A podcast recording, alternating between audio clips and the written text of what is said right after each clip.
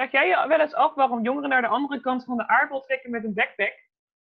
Of waarom jongeren bij de weekkant blijven bestellen terwijl ze al genoeg schulden hebben? Of waarom ze drugs gebruiken alsof het niks is? Wij wel. En in deze podcast zoeken we het voor je uit. Welkom. Wij zijn Meert en Kelly en dit is aflevering 2 van de Anti-podcast. En vandaag gaan we het hebben over reizen. We spreken onder andere Dielke, die na haar studie in Peru, Cusco, in Cusco is blijven wonen. En ook spreken we Ilva, die anderhalf jaar als au pair heeft gewerkt in Australië en Engeland. Wat feitjes over backpacken. Een kwart van de Nederlandse jongeren gaat backpacken. De populairste landen zijn Thailand, Australië en Indonesië. En mannen die gaan vaker alleen op reis dan vrouwen. Maar wist je dat reizen ook wat weg heeft van het kolonialisme? Laten we beginnen. Nou, over backpacken gesproken. We hebben de eerste gast en dat is uh, Judith Akele. Zij heeft uh, gebackpackt en uh, ze is ook voor haar studie naar het buitenland gegaan. En zij gaat er vandaag over vertellen. Hoi Judith, hoe gaat het? Hi, goed. Met jullie ook? Ja, het gaat super. nou, nou ja. Zover nou ja, de zon schijnt en we zitten lekker binnen en we zijn gezond, dus ik mag niet klagen, toch? Nee, ja, precies hey, wat voor uh, studie doe jij? Want je was ook voor je studie naar het buitenland gegaan. Ja, klopt inderdaad. Ik uh, studeer communicatie. En uh, toen ik in het derde jaar zat, dat was vorig jaar, ben ik een, voor een halfjaartje naar Bangkok gegaan om daar te gaan studeren. En, um, en daarna, toen ik daarmee klaar was, toen ben ik gaan backpacken in, door Vietnam. Omdat um, ja, de studie was eigenlijk al eerder klaar dan ik had verwacht. Dus ik dacht, nou, ik kan nu naar huis gaan. Maar ik, kan, ik ben eigenlijk al aan de andere kant van de wereld. Ik kan ook gewoon lekker nog even hier blijven. ja, nee, zeker zo. Uh, je had ook laten merken dat je ging, nou ja, ging reizen om een beetje het dagelijks leven in Nederland daarvan te ontaarden. Kan je daar misschien nader over uitleggen hoe dat precies zat? Ja, nou, um, toen ik wat kleiner was, toen had ik mezelf altijd een beetje in gedachten van ik ga niet de bewandelde paden ga ik niet bewandelen, zeg maar. Dus ik, wil, ik zag mezelf eigenlijk niet het standaard leventje leiden. Dus met een 9-to-5 job en zulke dingen en zo. En eigenlijk des te ouder ik werd, des te meer ik realiseerde dat ik, dat, dat ik wel die richting op ging. dus dus dat vond ik eigenlijk niet echt zo leuk. Want ik, ik wil gewoon andere plekken zien en andere culturen leren kennen. En gewoon, ja, eigenlijk de andere kant van de wereld zien. En ik ben zelf uh, opgegroeid in Amsterdam. En mm -hmm. ja, Amsterdam-West en met heel veel culturen om me heen. Maar ik dacht toch van, ik wil mezelf gewoon eventjes ontwortelen of zo. Ik wil gewoon even uit uit de grond getrokken worden en ergens anders neergezet worden. En dan kijken of ik mezelf een beetje kan redden. En hoe ging dat af? Uh, well, ik zag altijd, het was the best and worst time of my life. Dus het is zeker gelukt. en, en, en wat was de best en wat was de worst? Nou, de worst was dat uh, toen ik daar pas net aankwam, uh, dat was uh, in januari, begin januari toen uh, kwam ik gewoon met een hele Nederlandse mindset, zeg maar. En ik dacht altijd van mezelf van, oh, ik ben, ik ben zelf half Nigeriaans en half Nederlands. Ik dacht, ik ben multiculti. Ik ben, ik heb een, zeg maar, een brede horizon. Ik begrijp mensen en zo. Maar ik kwam erachter dat dat eigenlijk wel heel erg meeviel. Of tegenviel zelfs. ik kwam daar en um, ik had het gevoel dat alles heel erg tegenwerkte of zo. Want je komt daar op 4 januari, je komt net uit Nederland, het is super koud en het is eh, regenachtig en zo. En je komt daar en het is gewoon, gewoon 38 graden. Je kan geen water drinken uit de kraan. En sowieso in Amsterdam ben ik gewend om op mijn fietsje te stappen in de ochtend. En uh, je gaat naar de dokter en je gaat naar, uh, naar school, je gaat naar de sportschool. En je bent thuis voor 12 uur s middags. Nou, ja. in, in Bangkok kan je dat sowieso vergeten ik was blij als ik twee dingen had gedaan op een dag, omdat het is daar zo groot. Het is daar zo verschrikkelijk groot. En er is altijd file. Dus, oh ja. Dus zeg maar, je kan wel willen, van, je, kan wel, je kan denken van, oh, ik ben om twaalf uur s middags op school en dan ben ik weer om drie uur thuis. Maar als, dat, als het leven daar niet meewerkt, omdat er file is en dat iedereen zeg maar alles heel langzaam doet, dan ja, ik had het gevoel alsof ik heel erg tegen de richting aan het zwemmen was, zeg maar. Toen je je minor deed in het buitenland en aangezien je zeg maar zoveel, zo lang duurde dan om ergens te komen, Ja. eh, hoe was dat dan een beetje ingedeeld eh de dagen? Hoe was het om op school daar te zitten? Ja, ja, precies. Oh, ehm, ja, super anders. Die school was heel groot. Die school had volgens mij, als ik het niet, als ik het niet ben vergeten, had die school echt, nou, ik durf het bijna niet te zeggen, maar volgens mij 40.000 leerlingen. Ik wist het Zo, niet meer. dat is echt heel veel. Maar het is echt een hele, hele grote school. Het, is, het was eigenlijk een soort van dorp. En iedereen had ook, als je van de ene naar de andere ehm, faculteit, zeg maar, ging. Dus ik zat dan op communication arts, maar je had ook economics of business of arts of eh, finance. Dan ging je ook gewoon met de shuttlebus, zeg maar. Dus het was echt heel overweldigend. Wauw. Een soort En ook- festival lijkt klinkt. Ja, En iedereen ook in eh, uniform, ik zelf ook in uniform. En het is Oh. gewoon heel grappig, omdat die mentaliteit van die mensen is daar gewoon heel anders. maar je zegt nu het was druk, het was overweldigend. Ja. Zat je daar wel op je plek? Of had je wel het idee van ik wil terug? Nee, nee, nee. Ik, eh, het was, de eerste twee weken was heel overweldigend en eh, ja, moeilijk ook, omdat ik ook, ik lag er sowieso helemaal af van een jetlag. Ik had dat nog nooit gehad, namelijk. En, eh, maar alles bij elkaar was het gewoon superleuk, omdat we, we, woonden, we woonden in een appartementencomplex met allemaal exchange studenten. Dus met eh, Amerikanen, Spanjaarden, Nederlanders. En het was eigenlijk één groot feest altijd. Dus dat was wel heel leuk.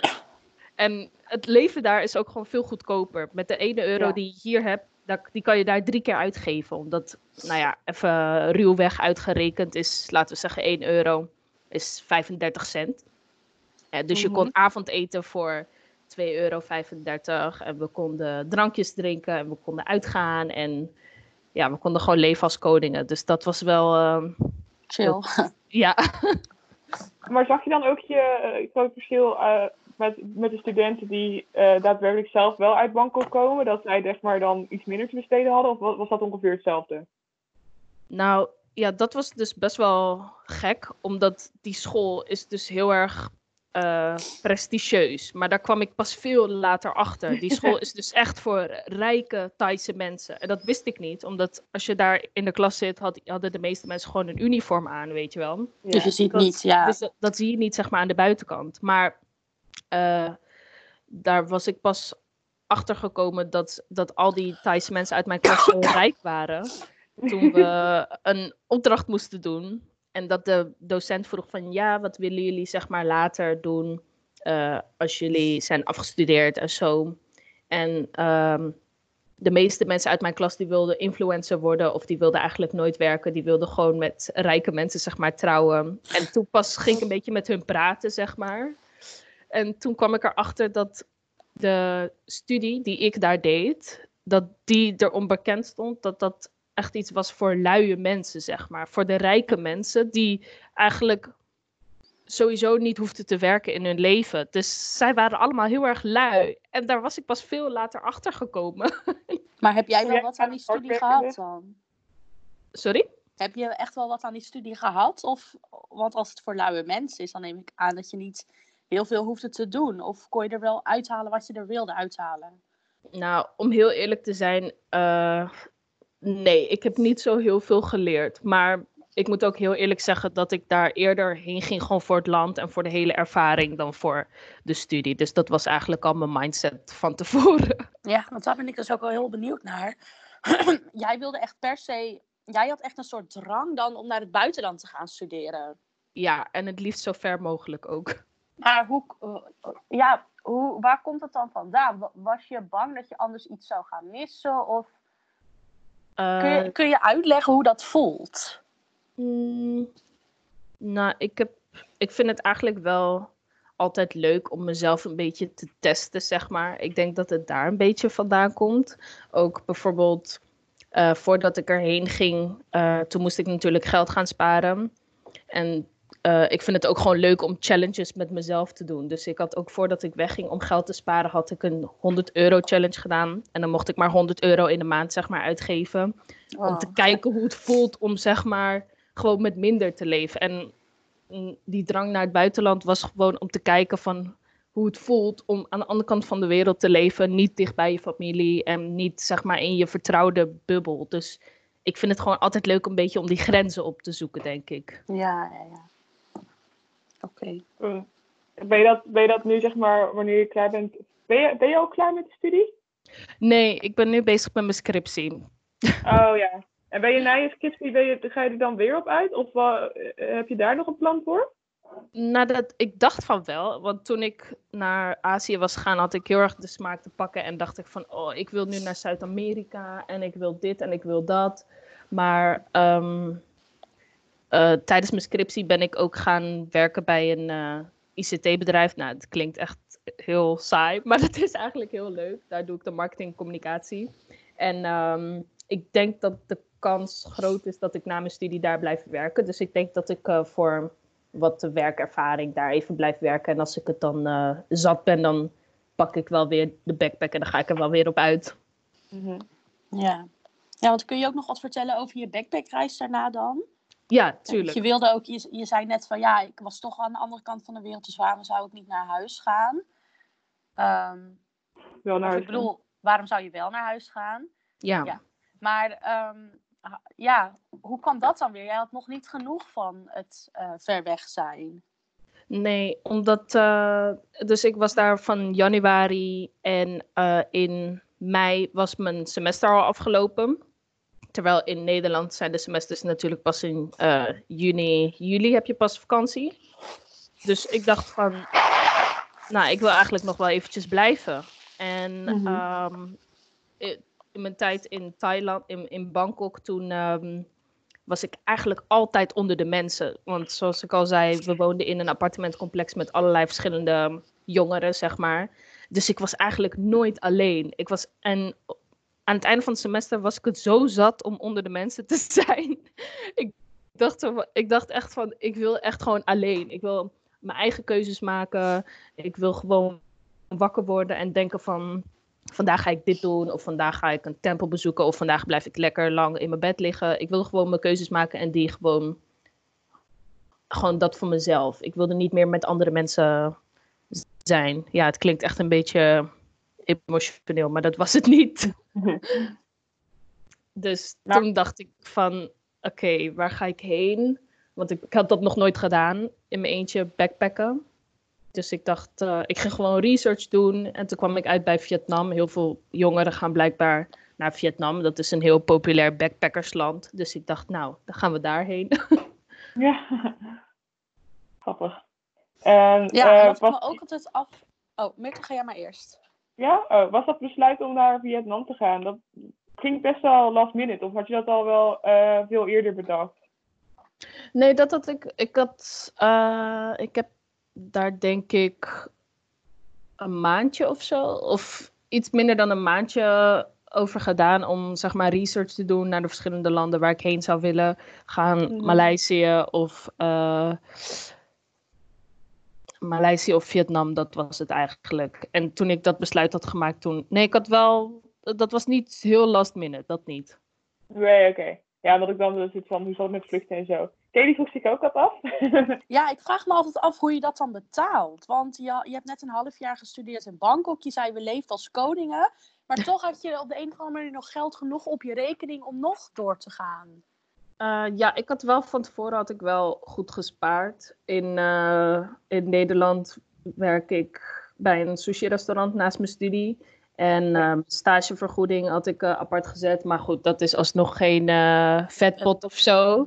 Dus ik heb wel, wat, ik heb wel zeker wat geld geleend van eh, Duo. Hm. Daarvoor. Oh ja, tuurlijk. Ja. dus ik sta wel een beetje in de min, dat wel. Nou, ja wij hebben nou ja, in de niet. vorige aflevering over onze studieschuld gehad. En ik ben ongeveer drie keer gestorven die aflevering. Dus niks aan de hand.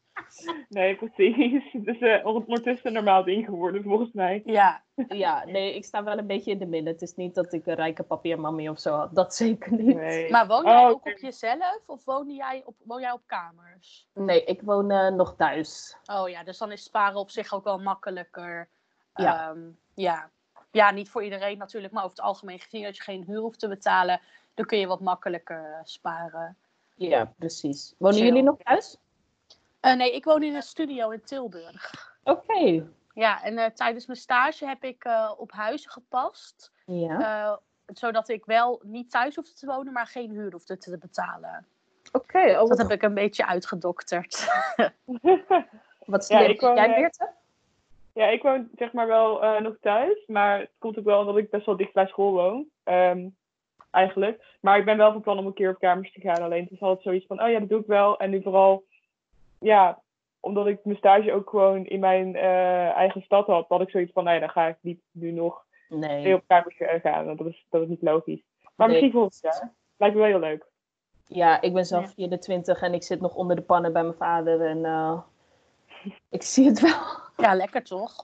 Ja, het is Ja. wel echt heel fijn om, dat, om dan te sparen. Dus, dus ja, en, en veel studieschuld bouw je niet op. Want dat merkte ik ook. Er is best wel een aanzienlijk verschil tussen dat van Katie en van mij. Ja. maar, maar Judith, was dan misschien... eh, ik weet nog, toen ik nog thuis woonde, had ik ook heel erg de neiging om eh, ver weg een minor te gaan doen. Ik ben wel in Nederland gebleven, maar wel eh, met de trein drie uur. Ehm, dus is het misschien ook omdat jij nog thuis woonde, dat je heel erg het, eh, de neiging had om weg te gaan en om eh, alleen te zijn? Nou, misschien wel eigenlijk. Nu je het zegt, heb ik het eigenlijk nooit eh, zo bekeken. Omdat leeftijdsgenootjes die wonen bijvoorbeeld wel, eh, zijn wel eh, uit huis en zo. En ja, soms dan dacht ik ook wel eens van, nou, ik zou ook wel eens gewoon alleen willen wonen. En ondanks dat mijn vader heel chill is hoor. Mhm. Nu je het zo zegt, Misschien wel. ja, misschien wel, ja. Het was een soort openbaring, ja. Want ik was ook, toen ik zeg maar ook voor mijn minor wilde inschrijven, was ik ook helemaal op zoek naar buitenlandse minors. En uiteindelijk kwam ik erachter dat ik niet zoiets had van, oh, dit is allemaal leuk of zo.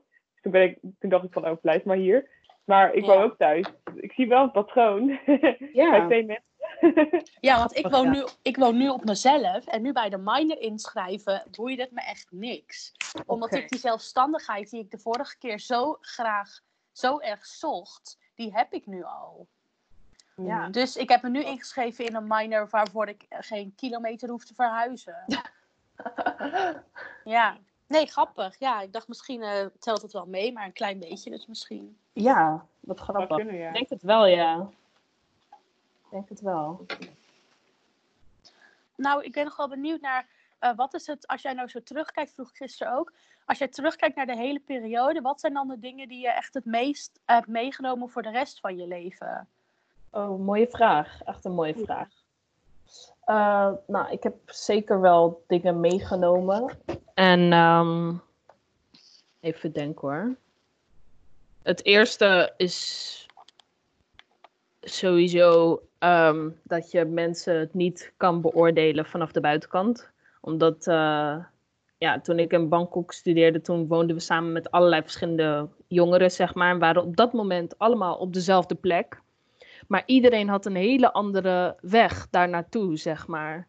S- Mhm. Sommige mensen, bijvoorbeeld één meisje, haar ouders financieerden zeg maar de hele studie en zo heeft nooit 1 euro hoeven neer te leggen, zeg maar. En een andere jongen die heeft gewoon super hard, heeft zichzelf bijna een burn-out ingewerkt, omdat hij zo Oh. graag naar het buitenland wilde. En ja, dat vond ik toch best wel bijzonder of zo, want we waren op dat moment allemaal op dezelfde plek, maar iedereen had een hele andere weg, zeg maar, afgelegd. En wat nog meer? Oh ja, sowieso ook. ehm, wat ik me, waar ik me altijd over verbaasde, was dat het. Ondanks dat het daar zo anders is, zeg maar, iedereen leeft gewoon best wel chill en zo. Alles gaat wat langzamer. Maar de economie draait wel gewoon in Azië. Ze doen het maar wel even.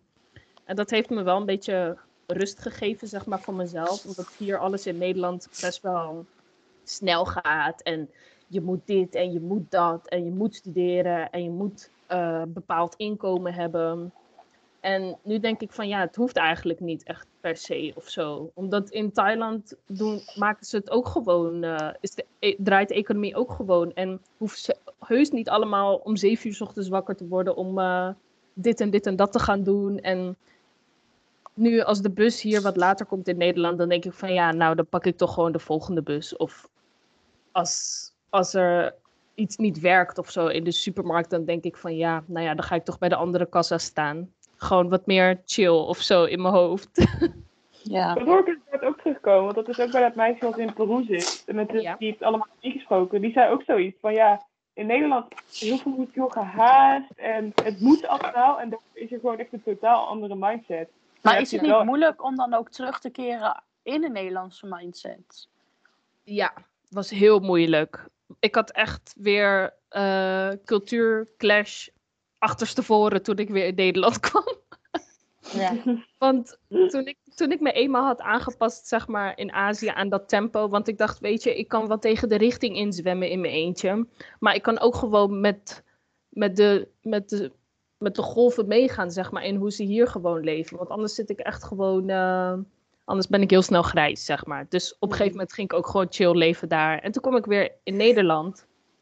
En toen had ik echt met de kleinste dingen had ik zoveel moeite. Want toen moest ik namelijk een plek gaan zoeken voor mijn afstuderen. Dus ik moest, ik moest gaan solliciteren. Nou, ik kon op dat moment kon ik niet eens meer Nederlands, omdat ik had de hele tijd Engels met andere talen en zo gesproken. Dus ik had zoveel moeite eigenlijk met de taal ook weer.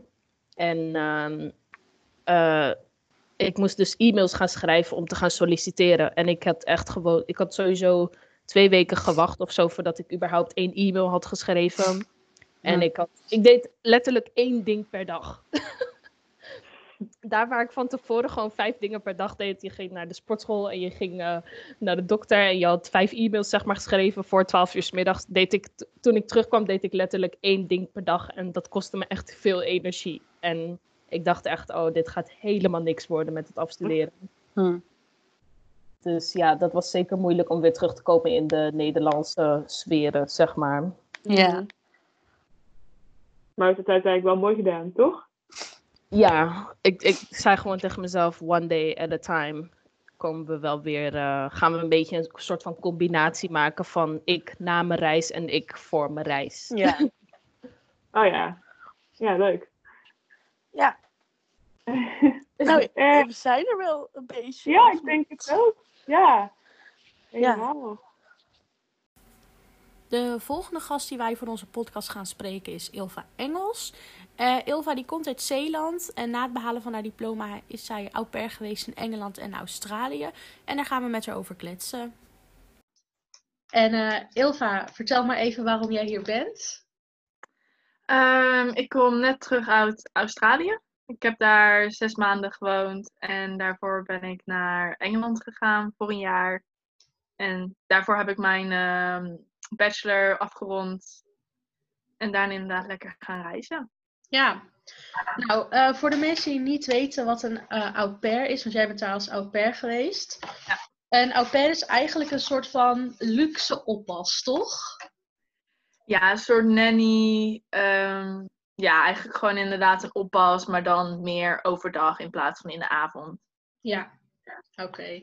Ja, nou heb ik... bij uh, het gezin woon. Ja, want jij woonde daar ook. Ja, klopt. Ja, oké. Nou, ik heb ook nog wat feitjes opgezocht over au pairs. Um, en de meeste, of tenminste als je au pair wilt zijn, dan moet je tussen de 18 en de 30 jaar zijn. Je mag maximaal 8 uur per dag werken en maximaal 30 uur per week. En je moet twee dagen vrij hebben. En dat doen ze eigenlijk om de positie van de au pair te beschermen. Ja. Uh, nou vraag ik me eigenlijk af, en Meertje waarschijnlijk ook. Je had net vier jaar gestudeerd. Waarom dacht jij, ik ga 30 uur per week op een wildvreemd kind passen in Australië? nou, om echt te zijn, zelfs de regels zijn anders in Australië. Dus het ligt er weer aan in welk land je zit. Dus in Australië had ik zelfs 40 uur. Hm. Maar wel maar vier dagen in de week. Maar ja, waarom? Ik wilde eigenlijk gewoon nog niet werken en meer van de wereld zien. Ik hou heel erg van kinderen, dus ik had zoiets, nou ja, hoe kan ik reizen en toch wel kunnen betalen? En ja, toch ook wel een beetje werken. Hoe kan ik dat allemaal combineren? En nou ja, omdat ik van kinderen hou en het leuk vind om daarmee te werken, had ik zoiets, nou ja, dan ga ik gewoon als au werken. Ik had het hiervoor in Engeland dan ook gedaan en dat beviel me eigenlijk heel goed. Dat was een soort van tussenstapje om ja, dan nu echt wat verder weg te gaan naar Australië. En ja, ik had heel veel zin. Ik wilde heel graag Australië een beetje ontdekken. En het makkelijk is als au pair, je kan makkelijk ergens heen. Dus dan neem je ja, een week vrij of zo. En dan kan je makkelijk eventjes ergens heen. En dan kan je weer terug en weer geld verdienen. En het is, ja, zo is het wat makkelijker om eigenlijk land te zien, vind ik. Ja, maar... Oh, ik hoorde een raar geluidje. Was Friek, denk ik. Maar uh, ben jij, heb jij nooit dat je... Uh, heb jij wel eens gedacht van, ja, kut, ik, ik, vind het, ik wil echt terug, of zo? Ja. Ja, zeker in Australië heb ik dat wel iets meer gehad dan dat ik in Engeland had. En ja, zeker nu op het einde wilde ik heel graag terug. Natuurlijk, alles met corona en zo. En het was heel lastig om terug te komen. Um, dus ja, toen had ik wel echt zoiets, ik wil nu terug naar huis. En tussendoor heb ik wel eens momenten gehad dat ik wel, ja, dat ik niet zo heel lekker in mijn vel zat. Maar nooit dat ik zoiets had van, ja, ik pak nu het vliegtuig en ik ga naar huis. Ja, zijn, ja er zijn altijd wel lastige momenten, maar en hoe ja, dan ga je lekker naar het strand en dan is het zo weer over eigenlijk. Ja, maar wat had je dan voor lastig moment? Um, ja, ik heb een paar keer gehad um, dat ik echt gewoon een moeilijke dag had gehad. Dus de kinderen, nou ja, vooral de oudste, die had autisme. En op de deur had hij een hele slechte fase. Dus nou ja, om de, op het moment dat hij me zag, één dag, toen begon hij gewoon te schreeuwen. En het was gewoon allemaal niet leuk. Dus toen, nou ja, ik was klaar met werken. Ik ging naar mijn kamer. En eigenlijk ben ik meteen gewoon in huilen uitgebarsten. Omdat gewoon, ja, daar doe je het niet voor. Dat een kind, als hij ziet, dat hij gaat schreeuwen. Nee. Dat, dat maakt het natuurlijk helemaal niet leuk. Nee. Dus ja, wat ik toen ook heb gedaan is vooral gewoon met mijn ouders gebeld. Ze zeggen van ja, uh, het is gewoon allemaal vervelend. En ja, dan voel je je uiteindelijk ook wel weer beter. En je weet ook, het ligt ergens aan. Het komt ergens vandaan bij het kind. Het is niet omdat hij je haat, gelukkig. Het is gewoon boosheid. Ja, precies. En emoties die ik niet kan verwerken. Dus ja, ik ben heel erg iemand die kan relativeren. Dus ja, dan kan ik het wel weer relativeren. Ook mijn eigen gevoel van ja, hè. Het is logisch dat ik me nu even zo voel, maar morgen voel ik me weer beter, zeg maar. Oh ja, nice. Meerte, ben jij er ook nog? Ja, zeker. Ik ben aandachtig aan het luisteren. Nou, wij, Meerte en ik hebben ook nog naar een leuk tv-programma gekeken over au pairs. Uh, misschien, kan, misschien kan Meerte daar nog wat meer over vertellen. Uh, au pairs is een uh, programma wat op uh, NPO 3 wordt uitgezonden, elke dinsdagavond. Het gaat over vier meisjes die naar Los Angeles vertrekken om daar een au pair te worden voor drie maanden. ik weet niet of je het ooit al hebt gezien, Ilva? Uh, ik heb de eerste aflevering vorige week gezien, ja. Ah, oké. Ja, en wij, wij, vroegen ons af in hoeverre het eigenlijk vergelijkbaar is met de realiteit. Uh, heb je daar toevallig opmerkingen over? Ja, het, het, ja, het ligt heel erg, heb ik het gevoel, aan naar welk land je gaat. Dus mhm. zij gingen natuurlijk naar LA, Amerika. Ja, dat is weer heel anders dan Australië. Maar wat mij vooral heel erg opviel is, normaal kan je niet Amerika volgens mij voor drie maanden in om daar een au pair te zijn. Je moet naar Amerika echt naar, voor een jaar en voor 40 of 45 uur werken in de week.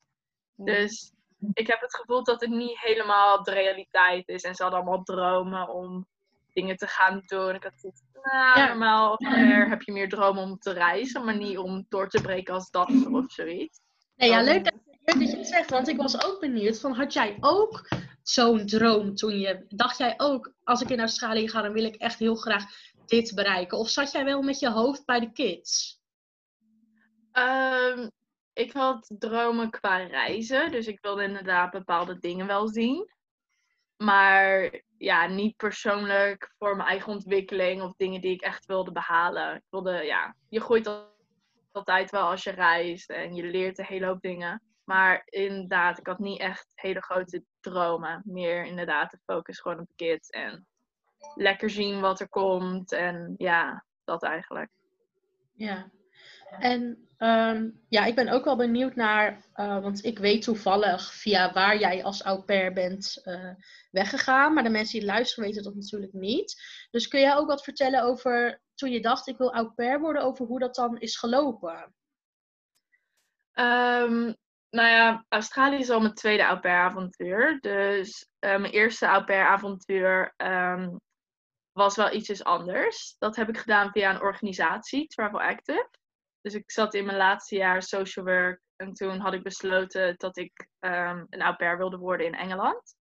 Dus toen heb ik via Travel Active, ik heb contact met hen opgenomen, moest ik een hele hoop formulieren invullen, fotoalbum maken, allemaal dat soort dingen. Kreeg ik ook een workshop. En zij zochten dan een familie voor mij. En ja, ik kon natuurlijk zelf ook kijken van ja, vind ik deze familie leuk? En dan brachten ze je in contact als je die familie leuk vond. En dan kon je ook skypen en kijken of de match was. Um, dat was in Engeland. Maar naar Australië had ik zoiets van ja, ik, het was vrij duur om via die organisatie naar Australië te gaan. Ik had, en ik had nu zoiets, ja, ik heb toch wel iets van ervaring. Ik weet een beetje waar ik naar moet kijken. En ja, om gewoon geld te besparen, doe ik het niet via een organisatie dit keer. Dus ik, ben, ik heb me ingeschreven op Au Pair World. Dat is een website waar je als au pair uh, en gezin, waar je je profiel op kan zetten en dan kan je uh, gezinnen zoeken. Maar dat leverde eigenlijk niet zo heel veel op. En toen uiteindelijk mijn gezin die ik heb gevonden, die hadden mij via Facebook gecontacteerd. Ik zat ook in een aantal Facebookgroepen voor au pairs. Dus inderdaad ook families die au pairs zoeken. En dat gezin had wel mijn profiel op Au Pair World gezien. En naar aanleiding daarvan hadden ze zoiets, ja, dan willen we haar een berichtje sturen en kijken of dat oplevert. En ja, uiteindelijk leverde dat dus inderdaad wat op. En ja, is het dus eigenlijk deze keer via Facebook wel gegaan. Maar hoe weet je dan zeker dat je. Ja, hoe weet je dan zeker dat je daar aankomt en dat het goed zit? Ja, dat is inderdaad wel het lastige dingetje. Zeker omdat je bijvoorbeeld over Australië best wel wat horrorverhalen, zeg maar, hoort. Mm-hmm. Dus ik heb um, nou, sowieso in het begin heel voorzichtig geweest, inderdaad, met wat voor informatie ik ze geef. Um, en inderdaad gekeken van ja, wat voor informatie geven zij mij? Geven ze, zeg maar, waar ze wonen? Dan kan je inderdaad het huis opzoeken. Um, ik wilde altijd wel met mensen afspreken via Skype, zodat je hun ook ziet. En eventueel ook de kinderen ziet. Dan heb je al toch wel meer het gevoel van: oké, ja, dit is inderdaad een echt gezin. Mm-hmm. En ik wilde ook altijd met hun vorige au pairs praten. Dat was ook iets wat ik ja, bij elk gezin wel wilde. Als ze inderdaad oude au pairs hadden, om met hun te praten. Want ja, ouders kunnen wel zoveel zeggen als ze willen. Maar oudere au pairs, ja, die weten er echt van. En durven natuurlijk ook heel erg hun mening te geven, als het goed is. Dus ja, en dat is ook een stukje betrouwbaarheid inderdaad. Van, is het wel een echt gezin? Ja, ja oplichten en zo. Uh, sorry, wat voor horrorverhalen uh, zijn er over Australië dan? Uh, nou ja, ik heb wel eens van mensen gehoord dat ze inderdaad aankwamen dat er geen gezin was, inderdaad. Ah, zo. Dat ze in een gezin komen en het blijkt allemaal niet zo rooskleurig als dat, het, dat de familie het omschreef. Dus dat ze 50 uur in de week moeten werken, verschrikkelijke kinderen hebben, uh, meer een beetje assenpoester zijn dan au pair. Dus ja, constant aan het schoonmaken en zo. Niet. Had jij een soort van uh, contract om dit soort uh, dingen te voorkomen? Um, in Engeland had ik dat inderdaad. Had ik echt een goed contract. Um, maar ja, dat was via de organisatie. En in Australië had ik wel iets van een overeenkomst, um, had de host family gemaakt. Maar ik heb nooit echt iets officieels ondertekend. Maar ja, dus eigenlijk niet echt iets wat bindend was. Nee, oké. Eh, maar, je, maar je vertrouwde dat wel, wat die familie had uh, samengesteld? Ja, ik had wel echt, ja, vooral door het um, er van tevoren had gesproken, hmm. wel zoiets van ja, oké, dit zit inderdaad wel goed. Dus ja, daardoor eigenlijk wel, ja.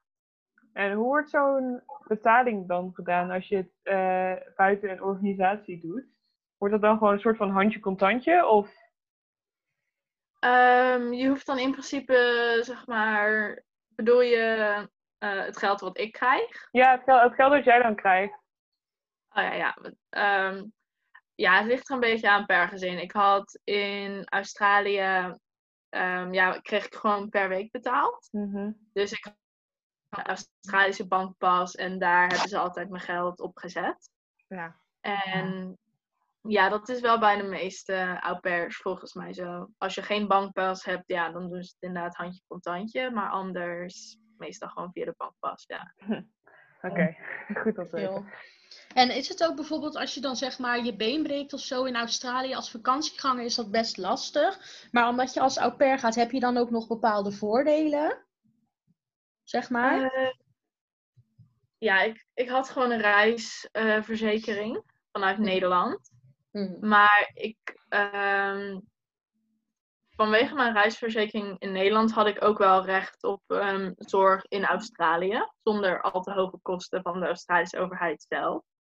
Dus dat was inderdaad wel fijn. Dus ik ben inderdaad wel een paar keer naar een dokter geweest. En ja, dan word je in principe gewoon geholpen. Ik heb volgens mij wel officieel wat meer moeten betalen, omdat ik inderdaad buitenlander ben. Maar dat kreeg ik uiteindelijk allemaal wel weer vergoed. Dus ja, dat was ook geen probleem. Ja. Ja, nou ja, en nu ben je natuurlijk best wel abrupt teruggekomen. En als je nu zo zeg maar thuis terugdenkt op die afgelopen periode, ehm, wat heb je er dan het allermeest uitgehaald, zeg maar? Wat is dan hetgene wat je er echt nooit meer aan zal vergeten? Oh, is een hele moeilijke. uh, ja, het zijn toch verschillende momenten. Ik, uh, ik ben geëindigd met een tour langs de oostkust van Australië. En dat was gewoon echt heel geweldig. Was ja, echt een onwijs mooi land is het gewoon. Ik heb ook gehandbald in Australië. En dat, dat was ook gewoon echt onwijs leuk om te doen. Elke zondag lekker op het strand, in het zonnetje. Ja, dat was gewoon echt heerlijk. Even nergens aan denken. Gewoon lekker spelen. Dus dat is iets ja, dat zal me denk ik wel echt heel lang nog bijblijven. Ja, fijn. Ja, vooral de reis ook wel. Ik ben ook naar Nieuw-Zeeland gegaan. Ja, dat is gewoon ja, onwijs gaaf. Ja, dat snap ik wel. Maar je hebt, het is dus niet dat jij echt zegt, wat we ook wel veel lezen van, ik heb echt mezelf gevonden of zo. Want je geeft eigenlijk hele andere dingen. Um, ja, dat had ik in Engeland had ik dat wel. Eh, had ik wel echt zoiets van ja, ik ben echt onwijs veel gegooid dat jaar. Daar heb ik inderdaad mhm. heel veel, nou ja, ik hield nooit ervan om dingen alleen te doen. Maar in dat jaar inderdaad ben ik alleen naar musicals gegaan, alleen naar Londen gegaan, heel veel gereisd ook alleen. Dus dat had ik eigenlijk dat jaar al wel heel veel geleerd en meer zelfvertrouwen. Waardoor ik dat eigenlijk dit jaar, ja, dat zat eigenlijk allemaal al wel redelijk goed. Dus ja, op persoonlijk gebied heb ik inderdaad deze zes maanden in Australië niet heel veel ontwikkeld. Natuurlijk hier en daar wel dingen. Maar ja, in mijn jaar in Engeland had ik dat wel echt heel erg inderdaad. Dan, Dat was inderdaad wel een van de dingen die ik meenam. Dat ik gewoon veel meer zelfvertrouwen had in mezelf. Ja. En was dat dan ook wel een beetje waarom je ging? Ja, zeker wel, ja. En als deze coronacrisis weer voorbij is, ga je dan terug of ga je dan uh, iets anders doen? Nee, ja, ik was sowieso al wel klaar. Ja, ik had eigenlijk nog maar drie weken te gaan in Australië qua werk. Mm. ik heb nu nog wel dingen ja, niet bezocht die ik wel wilde doen. Dus ik ga uiteindelijk ja, over misschien een paar jaar wel weer terug. Maar niet inderdaad, als het allemaal weer voorbij is, dan nee, dan niet. Was ja, op zich qua werk had ik ook wel zoiets. Ja, ik heb het ook wel gezien. Dus wat dat betreft was ik wel blij dat ik ook gewoon weer naar huis kon. Dus ja, ik ga echt nog wel een keer terug naar Australië. Maar ja, niet per se om weer te werken. Meer als toerist dan, denk ik. De laatste persoon die wij gaan spreken is Dielke. Zij uh, is in Peru, in Cusco, blijven hangen na haar studie. Dus uh, ik ben heel erg benieuwd wat haar dreef om uh, daar naartoe te gaan. Hey, ik ben Dielke. Um, ik ben 22 jaar en kom uit Warnsveld, Zutphen, Nederland. Uh, maar tegenwoordig woon ik in Cusco, in Peru, sinds, uh, sinds juli. Um, het begon eigenlijk mee, grote deel. Nou, ik heb altijd een enorm interesse gehad in andere culturen en reizen. Ik zat eigenlijk heel erg op Afrika en China. Vooral China heb ik altijd hele erg interesse in gehad. En vandaar ook dat ik uh, international business ben gaan studeren. En voor die studie um, had ik de mogelijkheid om nou ja, studie buitenland en stage buitenland en dergelijke te doen. Wat ik natuurlijk ongelooflijk gaaf vond. En um, omdat ik bij mijn studie Frans en Spaans studeerde, was voor mij heel snel duidelijk dat ik naar één Spa Franstalig en één Spaanstalig land uh, wilde gaan. Dus ik ben eerst naar Frankrijk in Annecy geweest, wat echt een prachtige plaats is. Veel mensen kunnen het niet, maar kennen het niet. En het is ook wat minder, zeg maar, een backpacker. Het is wat minder een reis natuurlijk, omdat ik daar studeerde. Uh, maar het was ook echt fantastisch. En daarna ben ik uh, mijn stage geweest doen, dus in Cusco, Peru, waar ik dus nu uh, naar terug ben gekeerd. En daarna, na een halfjaartje in Nederland, ben ik afgestudeerd in Santiago in Chili. Dus ik heb wel zeker alle mogelijkheden ge gebruikt om te reizen. Um, waar komt mijn reis vandaan? Ik denk sowieso dat je daar gewoon als persoon heel erg interesse in hebt. Maar in mijn geval kwam dat er ook wel vandaan om. Ja, ik vind het zelf gewoon heel tof om de uitdaging aan te gaan. Om een nieuwe taal te leren. Om, in het, nieuwe, om het nieuwe te leren kennen. Gewoon die hele ervaring vind ik heel tof. Um, ik denk ook dat soms wel onderschat wordt. Um, ik denk vanuit Nederland dat er soms gedacht wordt dat reizen of, nou ja, of dan bijvoorbeeld studeren of stage in het buitenland, dat dat alleen maar leuk en gezellig is. Maar ik denk dat dat zeker niet altijd waar is. Het kan ook denk ik heel erg moeilijk zijn. Bijvoorbeeld zelf had ik het wel lastig in Santiago, Chili, waar ik afgelopen waar ik dus in 2019 van januari tot juni zat. En ik ben toen dus in juli teruggekeerd naar Peru en hier woon en, wer woon en werk ik nu dus. Um, maar dat was bijvoorbeeld uh, gewoon niet mijn plek. Maar ik denk juist dat het heel gaaf is om um, alles uit te proberen. Alles, alle soorten verschillende ervaringen op te doen. Juist ook om erachter te komen uh, wat bij jou past. Wat voor een manier van leven jij fijn vindt, et cetera. Maar om nog even wat dieper in te gaan op het reizen. Um, is een beetje gek, klinkt misschien een beetje gek, maar op Nederland heb ik me niet altijd 100% op mijn plek gevoeld. Um, ik hou absoluut van Nederland. Ook vooral eigenlijk hoe langer ik in het buitenland, buitenland ben, hoe blijer ik ben om Nederlands te zijn. Want uh, als Nederlander heb je echt wel heel veel privileges. En uh, ja, Nederland is gewoon alles zo, alles is gewoon zo goed geregeld. En alles is gewoon zo goed voor elkaar. En natuurlijk zijn er dingen waar je over kan klagen. Maar in verhouding met andere landen is naar mijn mening is Nederland gewoon echt een heel goed, heel goed land. Um, maar op een of andere manier voelde ik me daar niet altijd 100% op mijn plek. Dus dat was voor mij ook wel echt een reden om te gaan reizen. En ik ben ook heel blij met mijn opbouw geweest. Eerst gewoon lekker naar Frankrijk. Um, en dan vervolgens dus helemaal naar Zuid-Amerika.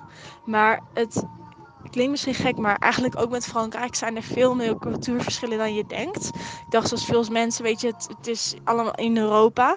Maar omdat ik dus ook niet in een grote stad als Parijs zat, maar toch wat meer, ik zat bij, um, vlakbij Zwitserland in de buurt, bij de bergen. Echt schitterend. Maar ik merkte daar ook echt wel cultuurverschillen. Stomme dingen, maar bijvoorbeeld eetgewoontes. Hoe mensen tijd, de perspectie van tijd. Allemaal zulke soort dingen. Die zijn al zo anders als je bijvoorbeeld in zulke delen van Frankrijk zit. Um, en ja, dat sprak mij gewoon heel erg aan. Toch ook die manier van uh, wat mij heel erg heeft geleerd, ook in het buitenland, is in Nederland kunnen we soms best wel stressen, denk ik. En ons best wel heel veel zorgen maken over dingen die eigenlijk helemaal niet zo belangrijk zijn. Zeg maar, kleine dingen kunnen we best wel opblazen, naar mijn mening. En in het buitenland heb ik ook wel geleerd van, ja, weet je, het is eigenlijk gewoon verspilling van je energie en tijd om je zoveel zorgen om kleine dingen te maken. Ik bedoel, um, hier is het misschien wat overdreven, maar hier is het gewoon veel meer ook van als er een probleem is, nou dan lossen we dat op en dan zien we wel weer. Het is ook niet altijd positief. Hier is het soms heel erg korte termijn denken. Maar ik denk wel dat we in Nederland soms uh, wat doorslaan met het lange termijn denken. En ook wat, soms wat doorslaan met alle regels die we hebben. En hier zouden ze dan weer wel weer wat meer regels moeten hebben. Dus ik zeg altijd, een, voor mij zou perfect zijn een soort middenweg tussen de Zuid-Amerikaanse manier van doen en de Nederlandse manier van doen. Maar dat, is dus wel, dat was ook wel echt een van mijn grootste motieven om te reizen. En nou ja, ik heb overduidelijk is het me heel erg goed bevallen. Vandaar dat ik naar Frankrijk Peru zei. Nou, ik wil mijn um, afstudeerstage wil ik ook in het buitenland doen. Ik wilde dat niet weer in Peru doen. Want ik wilde graag uh, ja, toch weer een nieuwe ervaring doen.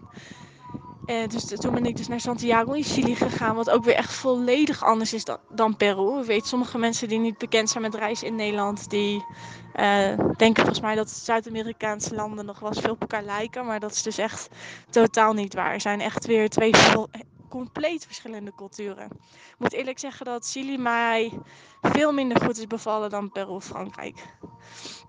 En uh, ja, hier in Peru heb ik wel echt uh, mijn plek gevonden, om het zo te zeggen. Het, uh, het leven soms, het is heel anders. Het is soms wel moeilijk, omdat ik heel veel luxe ook heb ingeleverd. Maar gelukkig is dit voor mij niet zo'n heel groot probleem. Um, maar het is gewoon, ja, het is zo'n anders leven dat het soms ook moeilijk is uit te leggen wat er allemaal anders is. Want het is gewoon, ja, gewoon letterlijk alles hier is anders. Maar voor mij is persoonlijk de manier van leven is hier ja, gewoon veel rustiger en toch minder stress. En ik denk ook dat dat heel veel reizigers aanspreekt om dat mee te nemen als ze terug naar Nederland gaan. Om daar ook van te leren van, oh, maar je kan dus ook op zo'n manier leven. En toch wat rustiger en zonder te stressen en zonder 24-7 je druk te maken om dingen. En ja, het bevalt me uiteraard zeker om in Peru te wonen. Ik heb het heel erg naar mijn zin. Het helpt natuurlijk ook mee dat ik mijn werk heel erg leuk vind. Ik uh, heb hier een hele fijne baan. En ik heb natuurlijk ook mijn Peruaanse vriend hier. Ik heb zeg maar alles hier. Dus nee, ik heb het hier uh, heel erg naar mijn zin. Ik vind het heel erg fijn om in Peru te wonen. Um, of ik ervan schok dat sommige mensen hard moeten werken. Um, niet per se. Ik ben hier in 2018 ook al heb ik hier ook al acht maanden gewoond en nu sinds juli weer. Dus het is eigenlijk, het leven hier is voor mij natuurlijk al wel redelijk normaal. Ik heb juist andersom, als ik dan naar Nederland ga of bijvoorbeeld het nieuws van Nederland in de gaten hou, dat ik er juist van kan opkijken hoe, um, over wat voor dingen sommige Nederlanders klagen of zich zorgen maken. Of over, nou ja, wat ik al eerder zei, dat sommige hele kleine thema's, um, dat er erover wordt gepraat alsof het een wereldwijde ramp is. Terwijl hier in Peru eh, de zorg van mensen hier is gewoon veel groter, weet je wel. Um, bijvoorbeeld nu hebben we vier dagen, hebben we geen water meer. Dat zijn gewoon zorgen waar je hier veel meer mee zit. En in Nederland, ja, weet je, zijn zulke soort basiszorgen, die zijn er gewoon niet, omdat alles al zo goed geregeld is. Dus het is gewoon, het is een hele andere manier van leven. Alleen op een of andere manier ben ik wel heel gelukkig met deze manier van leven. Al ik, ja, wat ik wel zeg, het is, wel, het is heel anders. En tot een bepaalde hoogte lever je ook natuurlijk wel luxe in. Maar dat hangt er ook heel erg van af. Want als je bijvoorbeeld in Lima woont, of heb je alweer een heel ander leven dan dat je bijvoorbeeld in Cusco woont. Um, maar zeg maar, ik schrik er dus niet per se van, want ik, ik weet gewoon al heel goed hoe de situatie is. Alleen ik vind het af en toe natuurlijk wel, het is wel lastig om te zien natuurlijk. En ik heb het geluk dat ik dus gewoon een goede stabiele baan heb. Uh, dus op het moment hoef ik me ook geen zorgen te maken. Maar natuurlijk uh, alle mensen om mij heen wel. Dus dat is af en toe wel lastig om te zien. En dan denk je, oh, als het gewoon, als er nou gewoon wat kleine dingen van Nederland. Ik, ik schep dan ook wel eens op over. Nou, Nederland hebben we de uitkering. Of in Nederland hebben we kinderbijslag. Denk je, als, als, als in Peru ook gewoon al wat van die dingen zouden hebben. Het zou het leven zoveel makkelijker maken. Maar goed. Dielke vertelde ook, ons ook over het coronavirus. Die wordt namelijk heel anders aangepakt in Peru dan in Nederland. In Peru heb je echt een lockdown. Je mag dus alleen naar buiten voor boodschappen. En als je naar buiten gaat, moet je een mondkapje op. Dat is in Nederland wel anders, want je mag in principe wel gewoon nog naar buiten voor bijvoorbeeld een wandelingetje. Um, daar kan je ook bijvoorbeeld de paarden verzorgen, zoiets. Nou, in Peru is dat dus anders. Mensen leven daar echt in de stad waar zij woont, Cusco, uh, van toerisme. S'avonds betalen mensen hun eten omdat ze bijvoorbeeld broodjes hebben staan verkopen uh, in Cusco. Uh, dat valt dus nu allemaal weg, waardoor er wel een soort armoede heerst.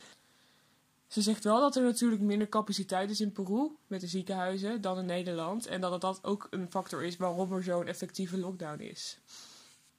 Later vertelt ze ook over haar vriend die in Peru woont. En dat is ook een reden waarom ze in Peru woont.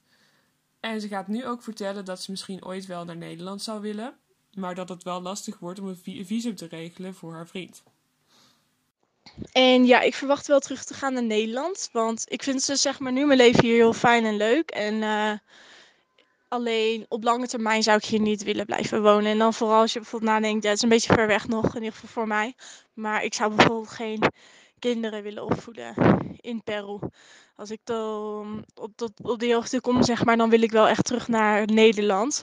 Ook wat soms best wel moeilijk is voor mij hier, is um, dat sommige mensen hier nog steeds best wel een traditioneel beeld kunnen hebben van de vrouw. Dus dat is voor mij gewoon een reden dat ik hier geen.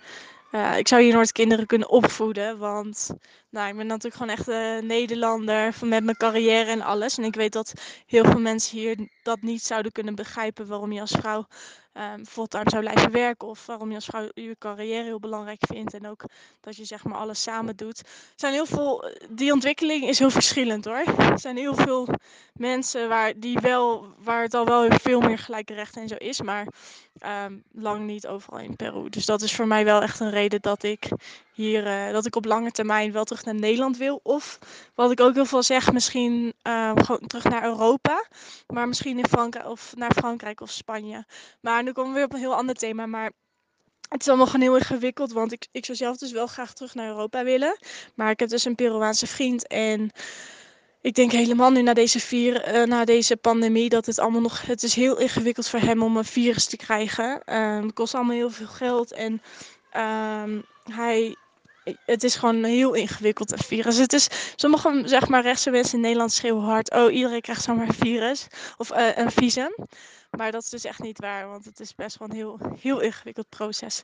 Dus ik moet eerlijk zeggen dat dat voor mij ook een factor is. Ik denk dat als over 1, 2 jaar I een visum zou kunnen krijgen, dat ik dan zeker wel naar Nederland zou willen gaan. Of dus naar Frankrijk of Spanje. Maar dat is dus heel een beetje ingewikkeld allemaal. En dan gaan we nu even de advocaat van de duivel spelen. In het begin van deze aflevering vertellen we wat feitjes. Zo ook een over reizen en kolonialisme. Filosoof Ruud vertelde in 2018 in een artikel van Human over het modern toerisme waarom backpacken ook massatoerisme is. Dit omdat backpackers veelal naar onbekende plekjes gaan en die weer bekend maken. Het zijn tevens de Lonely Planet gidsjes die je naar dat ene speciale restaurantje leiden, schreef OneWorld in 2016. Maar goed, even terug naar het kolonialisme. Een goed voorbeeld is volunteerism. Dat is een samentrekking van vrijwilligen en toerisme. Je gaat naar Zuid-Afrika en daar mensen helpen. Daar bouw je een schooltje. Klinkt goed, maar eigenlijk lijkt het heel erg op kolonialisme oude stijl. Dat terwijl je het wel goed bedoelt. Dan wordt er ook nog iets anders aangekaart in het Human-artikel. Mensen willen reizen, geen toerist zijn. Dat behoort weer tot het individualisme. Je moet je eigen persoon zijn, niet zoals iedereen naar Frankrijk, Spanje of Italië, want die kennen we wel. Maar iets om over na te denken is dat als je allemaal voor jezelf gaat, je misschien de samenleving, nou ja, de samenleving dan misschien wel een rommeltje wordt, dan wordt het nooit structureel. Dit was aflevering 2 over reizen. Bedankt voor het luisteren. Je kan de Antipodcast vinden op Spotify of op Anger. Ben je benieuwd naar de andere onderwerpen? In de komende tijd maken we afleveringen over drugs, schulden, seks en depressies. Tot de volgende keer!